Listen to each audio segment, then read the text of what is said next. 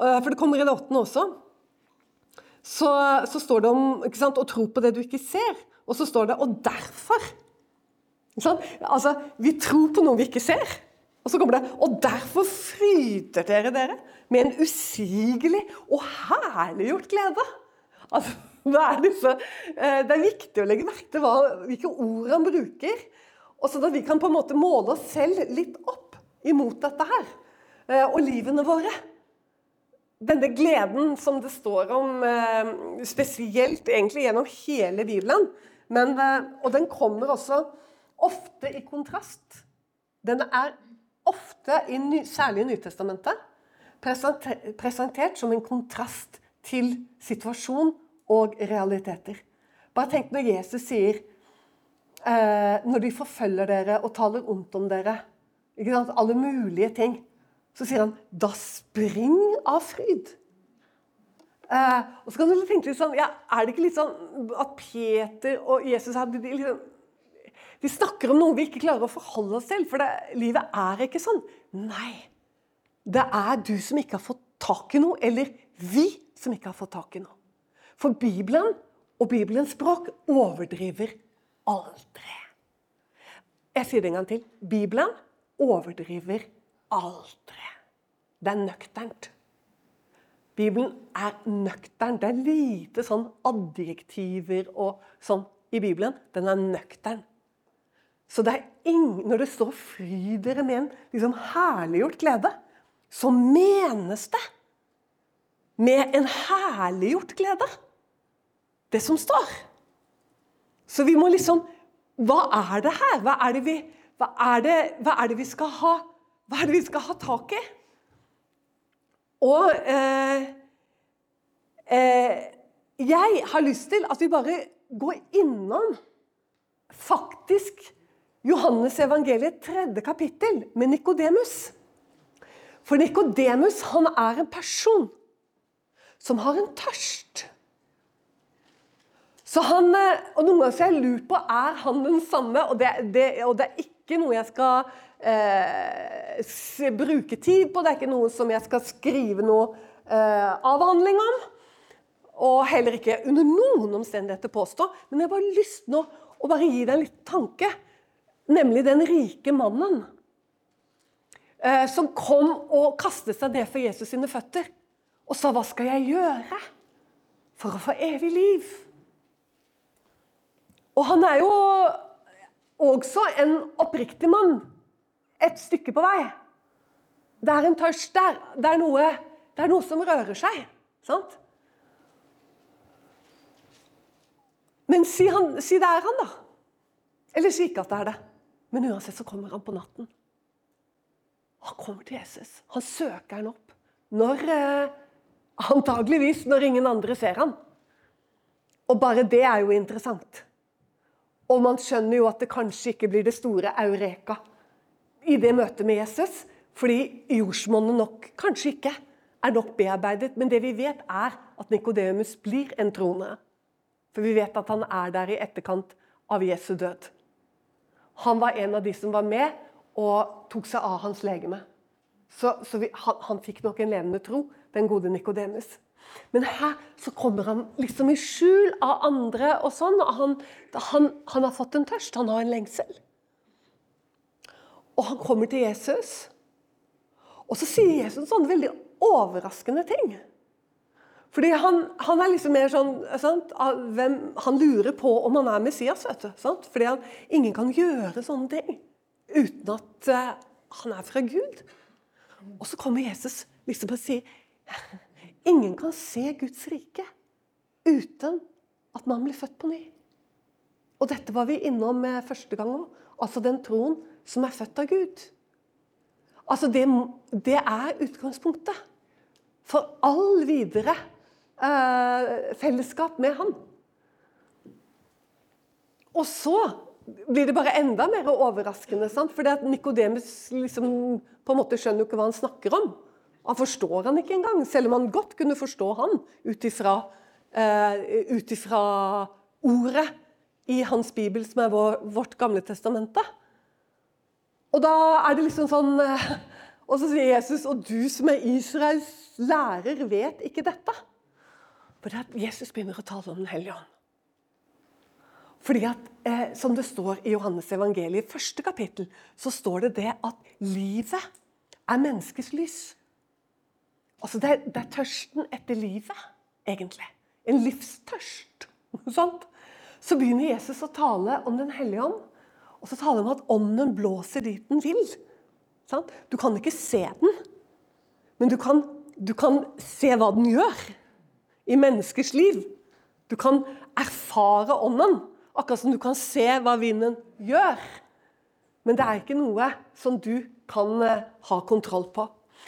Og, og dette er, er liksom sånn Uansett hvem Når vi snakker med mennesker om Jesus og skal vitne og sånn, så er det viktig å være klar over at uh, det er livet, altså denne tørsten etter livet, etter ånden, egentlig, som er det som er inni alle.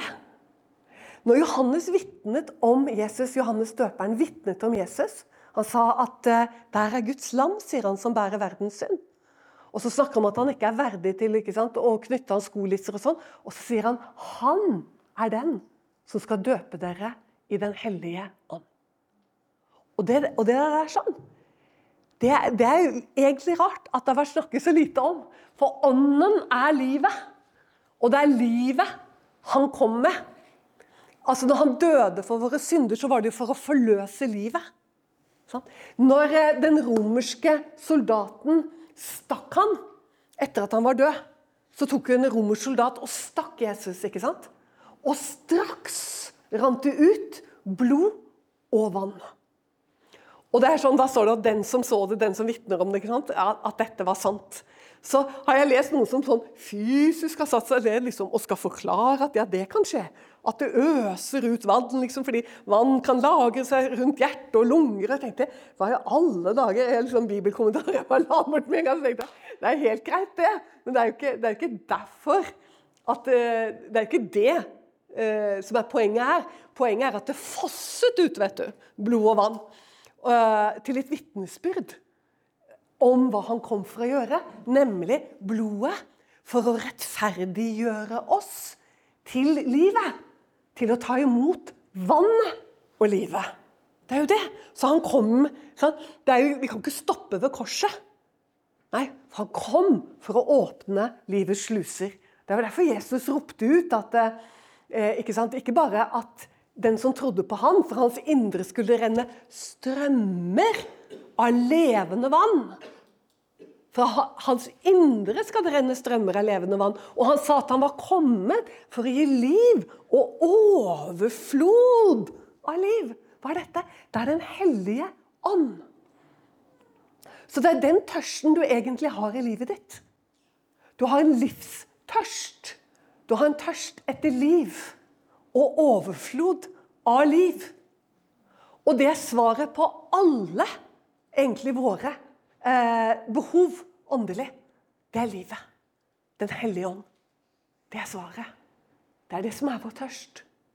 Hadde du fått et møte med Ånden her i dag, skjønner du? Og han fikk lov til å, fikk lov til å med, med liksom, gi deg smaken av overflod av liv Du hadde ikke hatt så mange spørsmål når du gikk ut derfra etterpå. Du hadde vært så fylt av glede, av begeistring, av fryd. Som du ser at den første menighet de var full av det. Og Derfor kunne de stå i de mest ufattelig trange og vanskelige situasjoner. Fordi de drakk av en kilde av liv. Jeg vil fortelle deg om en kvinne som var litt sånn Nikodemus-aktig. Det er nærliggende fordi hun også var jøde. Og håper å si Hun kom på natta til Erlend og meg. Så det var ikke akkurat natten. Men det var et møte litt av en annen verden, litt også i hemmelighet. Fordi mannen hennes han var liksom ute for å se til åkrene. Og så legger plutselig Gud til rette for en sånn kostelig stund med denne jeg må si, ultraortodokse kvinnen. Innseilet uten en hårlokk utenfor. Og så kommer vi i samtale om ordet. Nå kjente hun oss litt, altså det er en forhistorie til dette, men nå går jeg bare rett på sak. Og så sier hun til Erlend og meg at åh, om ikke bare vi kunne bli jøder. Fordi hun syns vi kunne hennes bibel bedre enn hun kunne sin bibel. Så hun kan ikke bare bli jøder. Og så sier jeg til henne men du vet at det er ikke så enkelt for oss som tror på Jesus. For vi får jo ikke lov å snakke om han i synagogen. Og så blir hun liksom litt sånn Denne Jesus, liksom. Hva skal vi gjøre med han? Og så sa hun Ja. Dere tror på Jesus, og vi tror på Moses. Og det er jo greit. og når hun sa det, så hørte jeg på en måte det Jesus sa i en slik sammenheng om Moses. Og så, han, så sa han jo dette her hadde dere trodd på Moses, så hadde dere også trodd på meg. Så tenkte jeg, Eva, det kan du ikke si. For det er som å banne i kirken. Hvis du sier at jødene ikke tror på Moses, altså da, da, kommer å, da, kommer vi til å få beskjed hvor utgangsdøren er. For eh, jeg mener, Moses, det er liksom Ja, det er som Jesus, da. For dem. Fordi de ikke kjenner Jesus ennå. Men så, så jeg, jeg, tror jeg bare ba en liten bønn inni meg, så var det sånn Hva sier jeg nå, liksom? Og så sa jeg du, Istedenfor at jeg sa det, så sa jeg bare hva Jesus sa. Så sa jeg Vet du hva eh, Jeshua, som vi tror er Messias, og det vet du Vet du hva han faktisk sa? Og da ble han nysgjerrig, vet du. Altså liksom Nei, hva? Han sa det at hadde dere trodd på Moses, så hadde dere også trodd på han. Fordi Moses talte om ham. Eller rett og slett, det er ikke det det, det, ikke det, det står Jesus sa. Det står at Jesus sa at 'det er om meg han har skrevet'. Altså, det er om meg! Nå skal vi innom en liten sånn parentese av undervisning, men jeg bare ber deg henge med. Tenk deg at Jesus sa det. Vi er litt snåle noen ganger, fordi vi kan gå til eh, første, andre, tredje, fjerde eller femte Mosebok, og skal vi finne et eller annet sted hvor Messias dukker opp. Oi, der var det noe om Messias. Sånn? Eller der kan vi se noe om Det er om meg han har skrevet. Det er om ham hele Moses som var tro i sitt hus, som det står. Men han som håper å si, eh, har eh, bygget huset, vært større enn huset selv. Altså eh, Moses, hele hans tjeneste, vitner om Jesus. Fordi Moses kom med hva da? Han kom med blodet og forsoningen og ånden. Ja, ja. Bare at ikke i dem, men iblant dem. Fordi Moses fikk loven Nå er vi litt innpå der vi var i fjor. Moses fikk loven. Dette er viktig, altså. Vi tenker på han bare som lovens mann. Moses fikk loven. Han fikk ikke bare loven, han fikk også blodet. For du kan ikke gi loven uten å gi blodet. Da er det bare til fordømmelse. Sånn at Derfor så fikk Moses beskjed om at han skal bygge dette huset Du skjønner det at Gud mente det helt alvorlig hvis du leser i andre Mosebok, jeg mener det er 29. kapittel, ikke gjør det nå. For der sier han 'Hvorfor ledet jeg dere ut av Egypt?' Hvorfor ledet, jeg, hvorfor ledet jeg dere ut av Egypt? Så sier han ordrett, for jeg ville bo iblant dere, jeg ville ha fellesskap så dette her er et tidlig bilde på Messias. Så Moses får beskjed om å bygge et hus til Gud. Alt måtte være på den og den måten. Og så kommer læren om rettferdighet. Og du vet at når alt var istandsatt, og prestene var istandsatt, alt sammen, og blodet ble lagt inne på alteret inne i dette tabernaklet, så kom Gud. Han kom. Vi glemmer dette. Du må lese slutten av andre Mosebok. Så kommer Gud og fyller hele huset. Og bor midt iblant dem. I 40 år. så så de han som en sky over helligdommen. Forstår du? Sånn at ingen i Israel eh, brøt opp leiren sin for å dra videre før skyen lettet seg over helligdommen. Da begynte de å pakke sammen. Og sånn gikk de i 40 år. Etter skystøtten om dagen og ildstøtten om natten. Han var hos dem på blodets grunnlag. Jeg satt ikke og tenkte på alt dette når jeg satt der plutselig med Sigalit og sa dette til henne, at Vet du hva? Vet du hva Jesus sa? Eller Jeshua. Jeg brukte jo da det hebraiske. Han sa at hadde dere trodd på meg, hadde dere trodd på Moses, så hadde dere trodd på meg òg. For det er meg han har skrevet. Og da er det jo dette det går på. ikke sant? Om blodet, rettferdiggjørelsen, og ikke sant, om eh, ånden. Hvordan han kan ha fellesskap. Det er jo det det handlet om. Gud som vil ha fellesskap med oss. Han ville ikke bare gjøre deg fri fra synden liksom, for at du skulle slippe å gå fortapt. Han vil ha fellesskap. Han vil være sammen med oss. Den gangen så kunne han være midt iblant dem. sant? Og så bodde han ved ånden i noen av dem. Men ikke sånn som det skjedde når Jesus fullbrakte det på korset. Du vet, blod av bukker og, og, og, lam og duer og, og okser, det kan ikke eh, ta bort synden. Så den gangen kunne det ikke ta bort synden, men det dekket over synden. Sånn at når de syndet, så kom de til dette huset hvor prestene var. Og så hadde de med seg et lam, eller de hadde med seg en okse, eller de hadde med seg en due. Alt ettersom hvilken synd de hadde begått. Så tok prestene imot det i døren, slaktet dyret og la blodet og blodet på alteret innenfor Gud. Og så står det tredje Mosebok, kapittel 3, 4, 5 og 6. Og de gikk forsonet hjem til sitt hus. Skjønner du? Derfor så kunne Gud nå, på midt iblant det israelittiske folk Han var midt iblant dem. Og så leiret de seg opp tolv stammer rundt dette huset. Så det var også bokstavelig midt iblant dem. Tre i nord, tre i syd, tre stammer i nord, tre stammer i syd, tre stammer i vest og tre stammer i øst. Og midt inni der var Gud. Er det ikke nydelig? Han ville ha fellesskap. Det første bildet på hva Messias skulle komme og gjøre. Egentlig så er dette tabernakelet det er et tidlig bilde på Jesu kropp. For det når han kom og gjorde det på korset, så gjorde han en bolig. Han ga oss en bolig i ånden, står det. Altså at vi har på en måte fått krype inn i denne rettferdigheten. Så vi er skjult med Kristus i Gud. Det er ganske vidunderlig.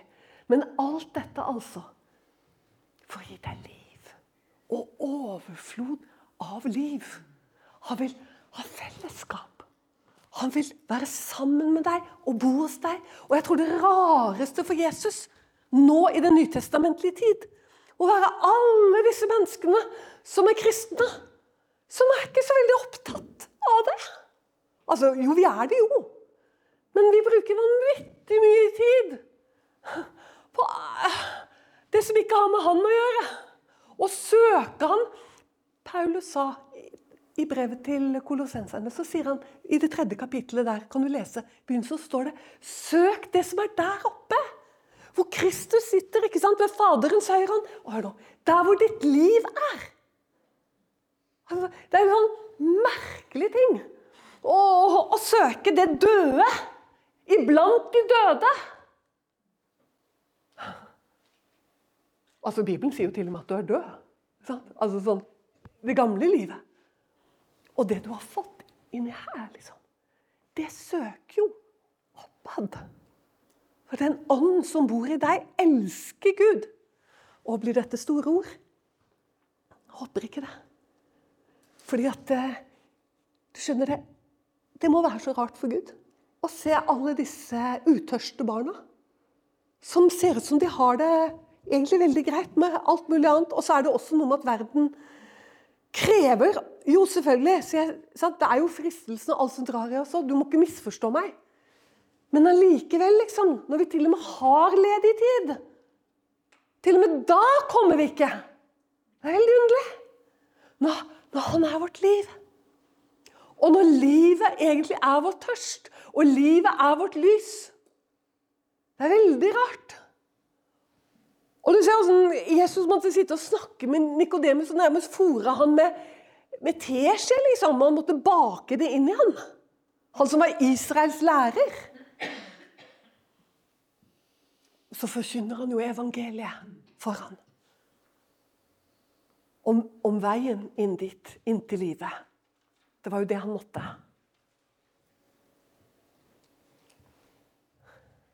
Men denne tørsten og Nå må jeg egentlig fortelle ferdig med henne. Denne jødinnen.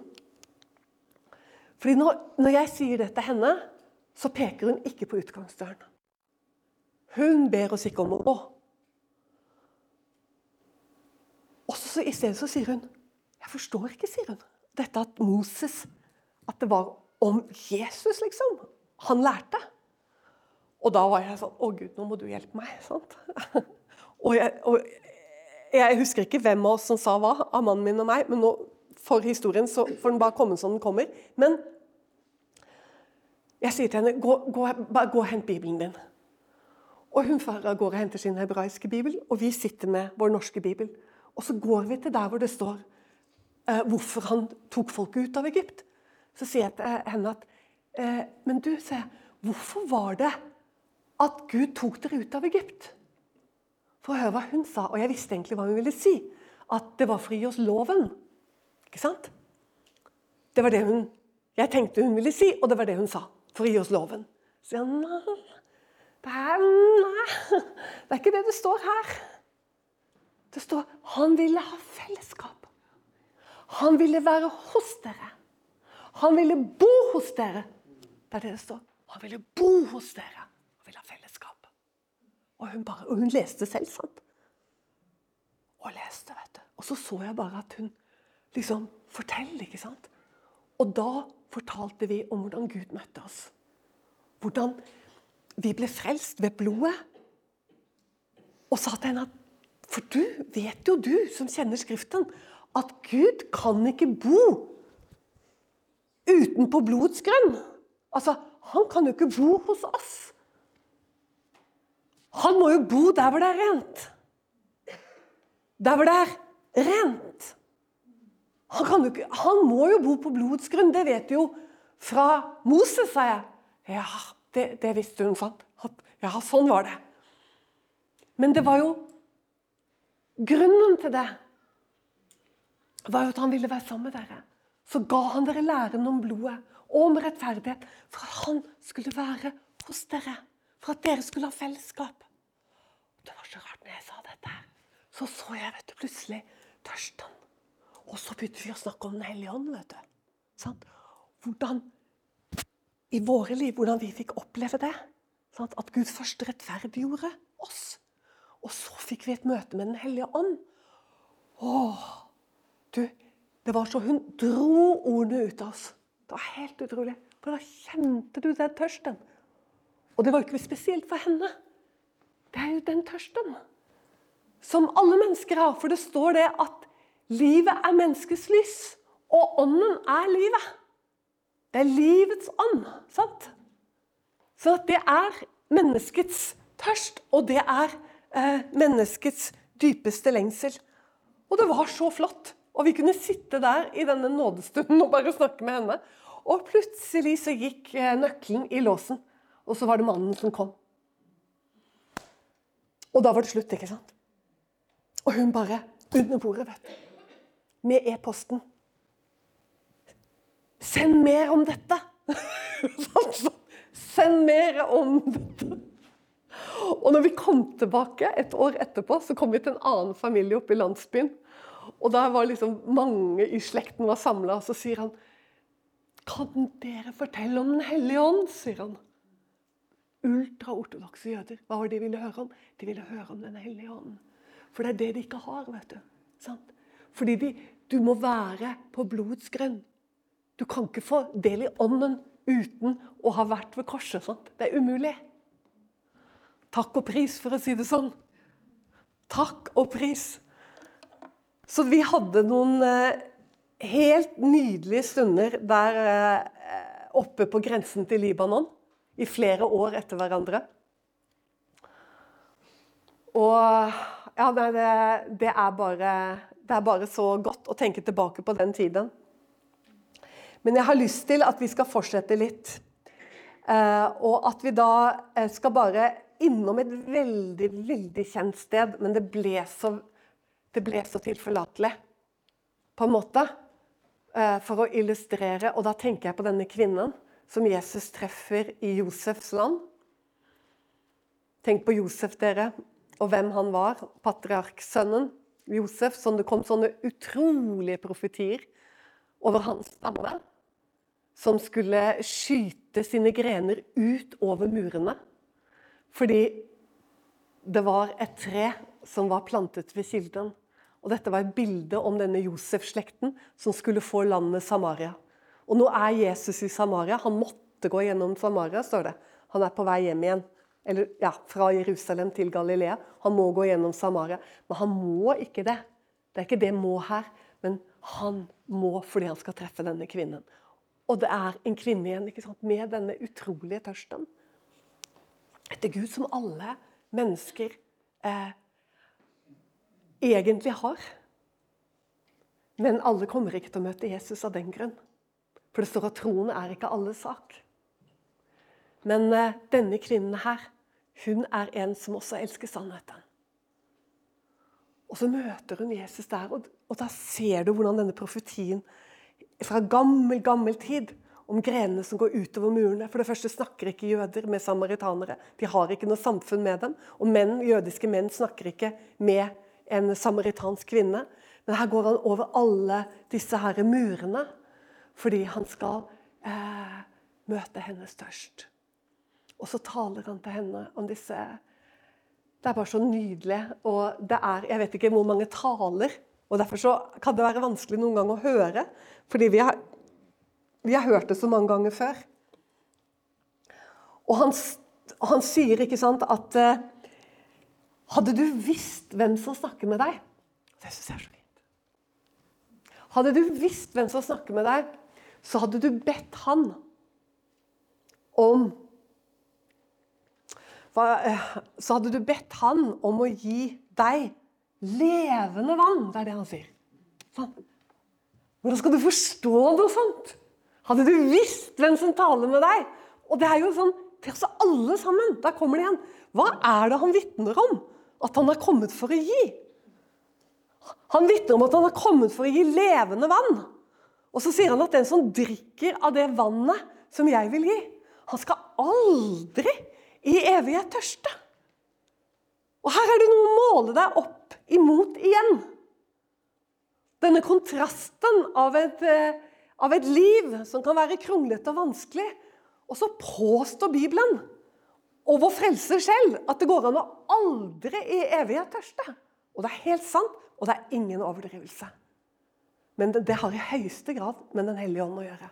Dette vannet som han taler om. Og så sier hun, 'Gi meg dette vannet', så jeg slipper å dra hit. Det virker jo nesten som hun, hun snakker en helt fysisk At hun ikke forstår hva Jesus prater om. på en måte. Så jeg slipper å dra hit og dra opp vann. liksom, sant? For han sier at den som drikker det, inni den blir det en kilde som veller fram til evig liv. Det er en hellig ånd inni oss. Som er dette vannet som veller fram. Så sier han Gå og hent mannen din, sier han. Og det er så fint. For nå skal han gi henne levende vann. Og så rører han ved synden og såret og skammen i hennes liv. Gå og hent din mann. Så sier hun, 'Jeg har fem menn, og den jeg nå har' Eller hun sier ikke det. Hun sier 'jeg har ingen', sier hun. Så sier han 'du har fem menn'. Og nå taler han disse livsordene inn i hennes liv. Han taler rett og slett inn i livet hennes ord. Levende ord Hvem kunne vite dette. Han skulle ikke være Messias, sier hun. Løper inn i landsbyen. ikke sant? Kom og hør en som har sagt meg alt! Det hadde han jo ikke gjort. Men hun hadde fått drikke av ånden. For det er ånden som taler. ikke sant? Inn i hennes liv taler ånden, livets ånd, som Jesus på en måte er og har, og taler til henne. Så hun får drikke av det levende vannet. Også du har fått drikke av det levende vannet når Gud har talt levende ord inn i ditt liv. Hvem kunne vite dette? Og det jeg sier til deg, denne erfaringen vil Gud at alle skal ha. Fordi han er levende. Så om du ikke har det nå, så fører Gud deg på en vei hvor du skal få drikke. Hvor du skal få drikke av det levende vannet. Garantert. For det var dette han kom for å gi. Om noen tørster, han komme til meg og drikke, sier Jesus. Så det er det han vil. Han vil at du skal få oppleve dette. Kvinnen ved Sykarsbrenn. Vet Du behøver nesten ikke å gå på noe verken misjonsskole eller bibelskole eh, når du har fått eh, Når du har fått, skjønner du, fått del og fått smake på det levende vannet. Hun glemte hvorfor hun var der, til og med. Krukken bare ble stående igjen. Hun løper inn i byen, og og det flyter over. Simpelthen. Kom og hør han. sant? Han har satt sitt merke på henne. Hun vet at hun har talt med en som er fra Gud, og hun tror det er Messias. Hun vet, for hun har fått erfare. Dette skal vi ikke underslå i det hele tatt, for da underslår vi hele evangeliet. Fordi han kom. Johannes sa, 'Han er den som skal' Hva da? døpe dere i Den hellige ånd. Når jeg ble frelst, når jeg har snakket litt om det i første, eh, første delen også Jeg kjenner meg litt sånn igjen i denne kvinnen ved Sykarsbrønn, brudd av tørsten. Fordi at eh, jeg, følte, jeg hadde en sånn enorm tomhet. Og det var det som drev meg inn i selve frelsen. Det var at Gud begynte å vise meg synden. Ikke først i meg selv, men i, skjønner du, i andre og i samfunnet og verden. Og så meg selv. Det var en sånn utrolig sånn tomhet. Voldsom tomhet. Så når han frelste meg, vet du hva? det var virkelig altså Å trenge til han i tiden etter. Jeg brukte enhver eh, ledig anledning og bare måtte være sammen med Jesus. I ordet, i bønn. I ordet og i bønn. Måtte være sammen med Jesus. Og tenk Jeg sitter oppe i Alta og skal på jobbintervju. Har vært på ett intervju eh, i Alta og skal videre til eh, Hammerfest for å intervjues der også. I en stilling i Den norske kirke. Og så er det to timer til bussen over Sennalandet skal gå. Så jeg tenkte, hva gjør jeg nå? Jo, jeg går og ber. Det er så nydelig. Tenk å ha det sånn. At liksom, Hva er det du tenker på? Jo, da går jeg på kafé. Altså, Det er ikke noe bedre enn noen av dere her. Sånn? Det er fort gjort. Jeg tror jeg går på kafé. Jeg, tanken slo meg ikke engang. Jeg må være sammen med Jesus. Så jeg gikk og lette etter et sted jeg kunne være for meg selv. Så jeg endte på baksiden av Apropos tørst, å være tørst. Jeg endte på baksiden av bussterminalen.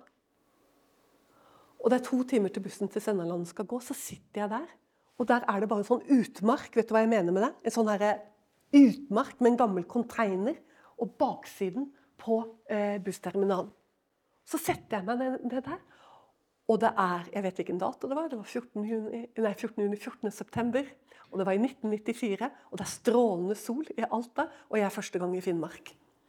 Så sitter jeg der og ber og takker og priser Gud i solen. Og så hører jeg en lyd. Så Hva er dette for noe? Og ser opp. Og så kommer det en mann på sykkel. Over den humpete heia. Og det ser så rart ut, for han sitter og sykler. Skjønner du? Og gresset går sånn. Og der kommer denne personen syklende. Og jeg tenkte, hvor skal han hen? For der er det bare en gammel container, og så er det baksiden av terminalbygget, og så er det meg! Og det var så underlig. Og så stopper han jo ikke. Det var jo enda mer underlig, for jeg sitter. Og så stopper han 20 cm fra føttene mine.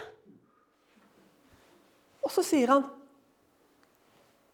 Skal jeg be for deg? Vet du hva? Søk Gud. Søk Gud. Søk Gud.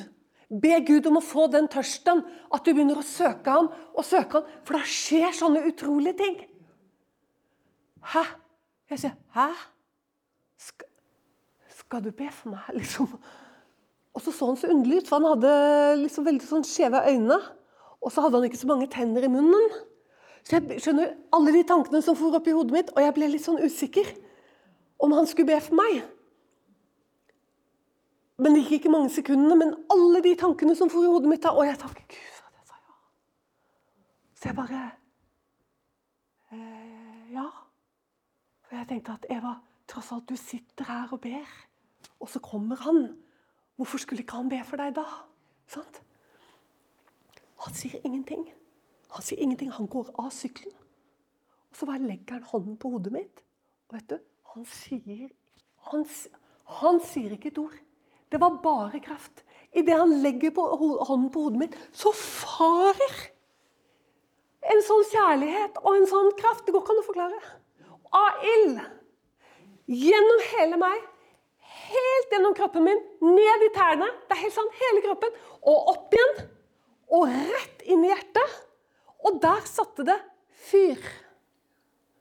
Og jeg, bare, og jeg tok tak i hånda for jeg ble redd. For jeg hadde hørt nemlig oppe på høyskolen hvor jeg ble intervjuet, at de fortalte om samer som kaster gang på folk. Så selv om jeg kjente det helt, helt enormt, liksom, det var en sånn kjærlighet som var helt fantastisk, så jeg tok tak i hånda og sa jeg, 'Hvem er du?' Og så så han meg inn i øynene. Og så sa han, 'Jeg er sånn gudsmann'. Å, sa jeg. Og så så han at jeg ikke var helt betrygget, så satte han seg ned ved siden av meg, så klappa han meg på kinnet, og så så han meg inn i øynene med de varmeste, skjønneste øyne. Og så sa han, 'Jeg er sånn gresten mann', sånn. Å, sa jeg. Be mer! Ånden var fløyet. Gud hadde gjort sin gjerning. Du, den gleden, den vil jeg at du skal ha tak i hvis ikke du har fått tak i den. Den gleden. Og kjærligheten. Det var som noen hadde vasket øynene. Det var som noen hadde tatt ut masse tungt av kroppen min. Og så kommer bussen til Sennalandet. Du, jeg tror ikke det var én i den bussen jeg ikke snakket med. Og jeg er ikke sånn, altså. Men samtidig så var det helt naturlig. Jeg pratet med alle. Og det, når vi nærmet oss Hammerfest, så bare husker jeg alle reinsdyrene som gikk rundt nede i fjæra og sånn. Og jeg fortalte om Jeg, jeg husker ikke nå, det er så mange år siden. Men uh, det er helt vidunderlig å tenke tilbake på. Og tror du jeg fikk jobben da jeg kom til Hammerfest? Ja, det tror jeg. Det er klart jeg fikk den. jeg så sikkert ut som en Hva Gud kan gjøre.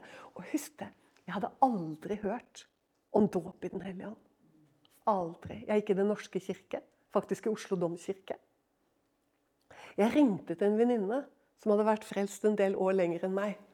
Så sier jeg til henne 'Solveig, sier jeg, vet du hva som skjedde meg?'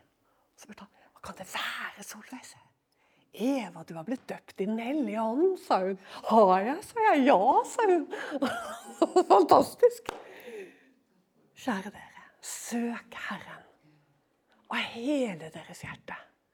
Fordi at det, du vet, vi er så rare. Enten så er det sånn at vi tror at det ikke er for oss, kanskje. Jeg vet ikke. Eller så er det tida som tar oss. Eller hva er det vi holder på med? Det må være en grunn til at Paulus skrev det han skrev. Ikke sant? Og Nå skal vi avslutte med de ordene fra Kolossebrevet, fra det tredje kapittel. Og tenk om vi nå kunne ta det til oss på en sånn måte at vi ba Gud om å gi oss dette vannet. Er dere oppreist med Kristus? Hører du. Du som er ung, du som er litt eldre, og du som er eldre. Er det da oppreist Er da du, sier jeg, oppreist med Kristus? Da søk det som er der oppe, der Kristus sitter ved Guds høyre hånd.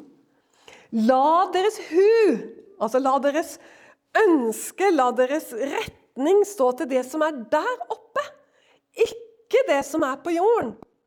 Dere er jo døde, og deres liv er skjult med Kristus i Gud. Oi, når Kristus vårt liv åpenbares, da skal òg dere åpenbares med ham i herlighet. Og så står det nå etterpå om å døde de jordiske lemmer og kjøttet og sånne ting. Og du, da kommer jo det i en veldig flott perspektiv om hvorfor vi skal døde kjødets gjerninger.